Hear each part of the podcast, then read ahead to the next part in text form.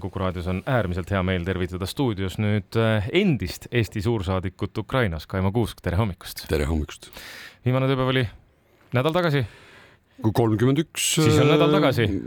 juuli jah, et sai piiri ületatud ja siis Vilniusesse jõutud, seal Anneli Kolk tuli teiselt poolt Tallinnast vastu, võtsime kohvi, rääkisime veel viimased äh, seisud üle. Äh, kuidas täpsemalt äh, muide see nii-öelda, ma ei tea, kas võib öelda vahtkonna vahetus välja näeb, et mida see kõike sisaldab ühelt poolt nagu praktilise poole pealt, ma ei tea, sa pakid oma nõusid seal kokku ja teiselt poolt emotsionaalse poole pealt vahtkonna vahetus on päris hea, ma arvan, sõnakasutus, et äh, ega diplomaat äh, kakskümmend neli seitse oled diplomaat ja töötad, kui on vaja, siis võtad toru ja aitad mingit relvasaadetist keset ööd kell kolm üle piiri viimased päevad oli vaja teha tööd ja tõesti pakkida kõike paralleelselt, sealhulgas kuna pere oli Eestis, siis, siis tüdrukute sahtleid seal sorteerida, et nalja kui palju selles mõttes, et aga minul oli et saaks õigeks ajaks tehtud kõik, oli, oli nii pigem, pigem äh, murekurd oli kahe silma vahel. Need juuksekummid ja kreemid? Ära räägi, ära räägi, ära räägi. lõpuks valasin lihtsalt sahtleid kotti niimoodi kolinaga. mis sõnad sa Anneli Kolgile kaasa andsid? mina rõhutasin seda, et tegemist on maratoniga. tuleb panna täiega, aga, aga võhma peab jaguma ja samal ajal on tegemist ka meeskonnaalaga, et see on nagu sihuke kummaline sümbioos äh, lõputuna näivast äh, jalgpallimängust, kus kohtunik ei anna sugugi lõpuvilet, muudkui asi käib edasi. No tänapäeva maailmas õnneks see on ju ikkagi diplomaadile väga-väga haruldane kogemus olla suursaadik riigis, mis on sõjas absoluutselt jah, ega seda teistele ei, ei sooviks jah, et äh, huvitav kogemus, mida võib-olla ka välja ei vahetaks. kaks tuhat üheksateist, kui sa läksid, äh, nüüd on neli aastat, eks ole, oled sa seal olnud, kuidas sa seda ise kokku võtad, sest noh, kaks tuhat üheksateist oli Ukraina hoopis teistsugune, kui ta on täna aga sõda käis tookord ka, et seitsesada kilomeetrit Kiievist idas oli, oli ju rindejoon, et no mida aga pommid ei kukkunud Kiievisse? seda, seda absoluutselt jah, üle, üle riigi õhurünnakuid ei olnud, õhurünnakuid peaaegu üldse ei olnud, et, et noh, mis ma lootsin, ma lootsin, et tuleb eh, huvitav lähetus, lootsin, et riik läheb südamesse ja no kurat, kõike seda ma sain ka, natuke liiga palju, liiga huvitavaks läks, et, et südamesse see riik jäi kindlasti. Aga äh, palun äh, ava seda natukene lähemalt või, või räägi natuke sellest, äh, mm, millisena jäävad sinu südamesse Ukraina inimesed ukrainlased on äh, hullult vabadust armastavad väga,, väga-väga hea huumorimeelega, see läks küll siukseks äh, tumedaks äh, mm. suure sõja aeg ära, aga ilma selleta su mõistus terve ei püsi, elus ka ei püsi äh,. armastavad laulda nagu meiegi, natukene võib-olla teistmoodi, mitte hulgakaupa, aga aga aga, aga laulda nad ja muusika neile väga meeldib, väga lahedad on selles osas. Ja loomulikult äh, nende hea köök, äh, mida no kokakunsti harrastavad nad vaata et pea kõik, et äh, Porsche'i retsept on äh, igal perel enda oma, et väga-väga huvitav värviskaalagi varieerub sul äh, rohelisest kuni siis oranžini, et sinna vahele jääb see meie klassikaline punane. sa ütlesid küll, et see huumorimeel võib-olla läks natuke tumedamaks sõja ajal, aga, aga kas see, kui noh, tõesti, et, et sellest hetkest, kui sõda pihta hakkas, sinu jaoks, kui sa olid juba seal varem kohal olnud, oli selge, et, et see läheb sedasi, et Ukraina või võitlustahe saab olema nii tugev, nagu me seda oleme näinud? seda küll jah, sest äh, me olime käinud äh, idas, äh, kohtunud seal suurtükiväelastega, käinud nulli peal ehk siis tähendab rinde pealt, nii et sa näed vastase positsioone, suhelnud nende sõduritega, noh, kelle kohta Jonatan Vsevjov neid nägi, ütles, et näed sõdurid, kes seal piiluvad sealt oma koikudelt, et neil on sõjanägu on peas. sa teadsid, et need sõjanägu sõdurid sõdivadki. Et ei ole mingit Äh, rahulikku jalutuskäiku pargis, nagu keegi Moskoovias ette kujutas äh, millised äh, konkreetsed noh, kas momendid, hetked või kohtumised olid sinu jaoks sellised, mis on sööbinud sinu mällu ja ei, ei lahku sealt iial? üks on kindlasti Ukraina Karpaatide mägibrigaadi siis eestlasest liige, Edelweiss oli selle või on selle brigaadi nimi ja ja kui me olime idas ja saime luurebriifi pataljoni siis luureohvitserilt, siis minu selja tagant kõnetati mind eesti keeles niisuguse korraliku aktsendiga, aga, aga see minuvanune mees oli Tartus sündinud, kakskümmend aastat seal elanud, ilmselt me nühkisime samu Tartu tänavaid ja käisime seal äh, helisalvestusstuudios, mis oli Piraadikas tollal kassette -hmm. salvestamas.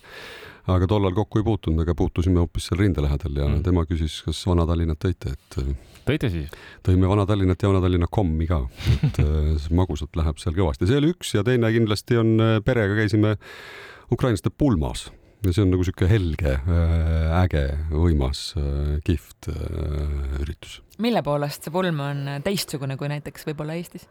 ma ei tea, hoog on algusest lõpuni üleval, et. ei ole seda, et, et algul nagu eestlased, et alguses saa vedama, pärast saab pidama.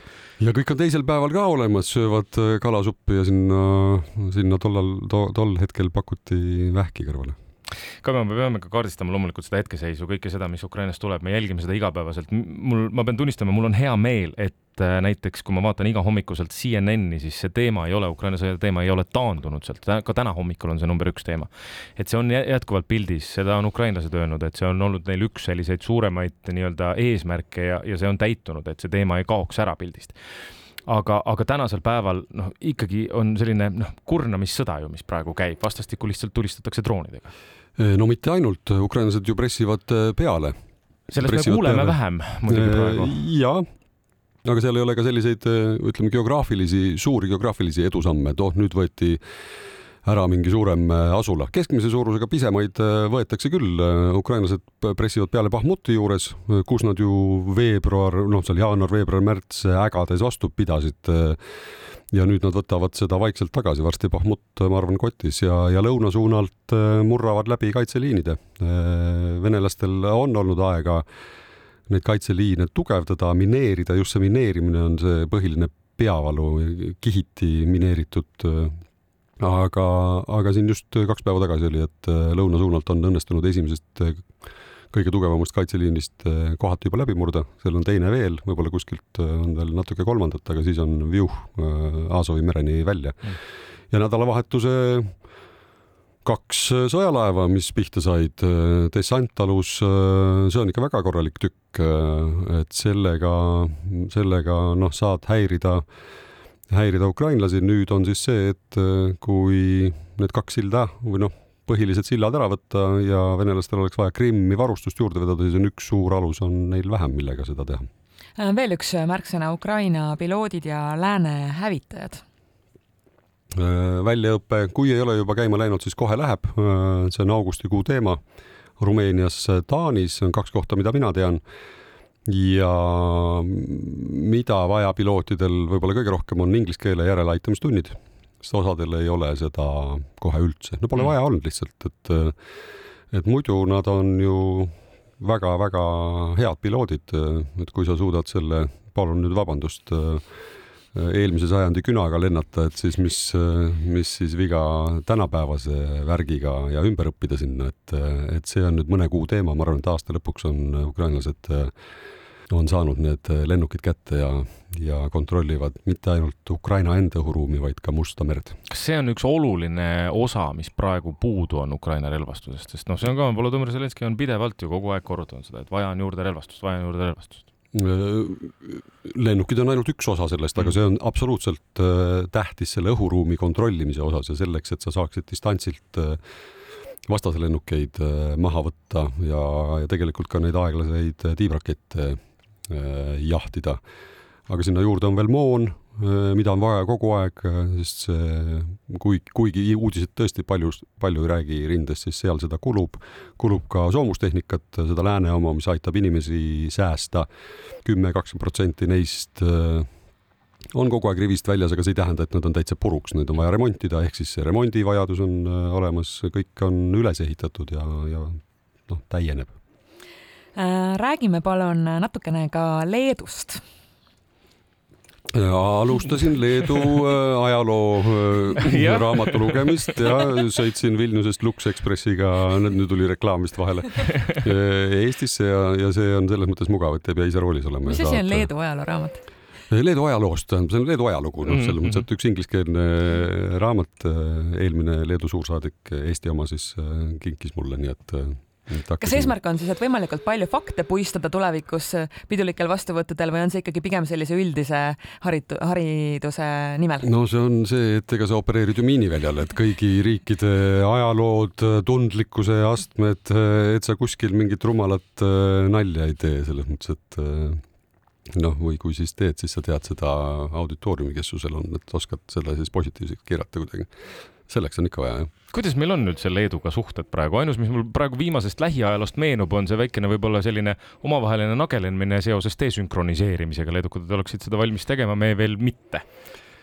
Leedu Leeduga meil on ju väga head suhted, väga head suhted äh, sellest hetkest, kus äh, me iseseisvuse saavutasime, mäletan oma esimest, noh, nimetame siis seda välisekskursiooni, tollal küll okupeeritud Nõukogude Liidus oli Leedu minu jaoks ja see oligi kaheksakümmend seitse või kaheksa ja leedukad võtsid ikka väga südamlikult veel vastu, meid vastu seal, me mäletame, et me telkisime ja kuulsid, et me oleme Eestis, siis oli niisugune tohutu vennastumine, et, et jah, üks on see desünkimine, mis nüüd sai kokkuleppe, leedukad tegid sammu meie suunas, meie nende suunas, pingutame meie, leedukad hoiavad end tagasi ja noh, aitavad ka selles mõttes, et sest ega see üks asi on lahti ühendamine, teine asi on Euroopaga ühendamine.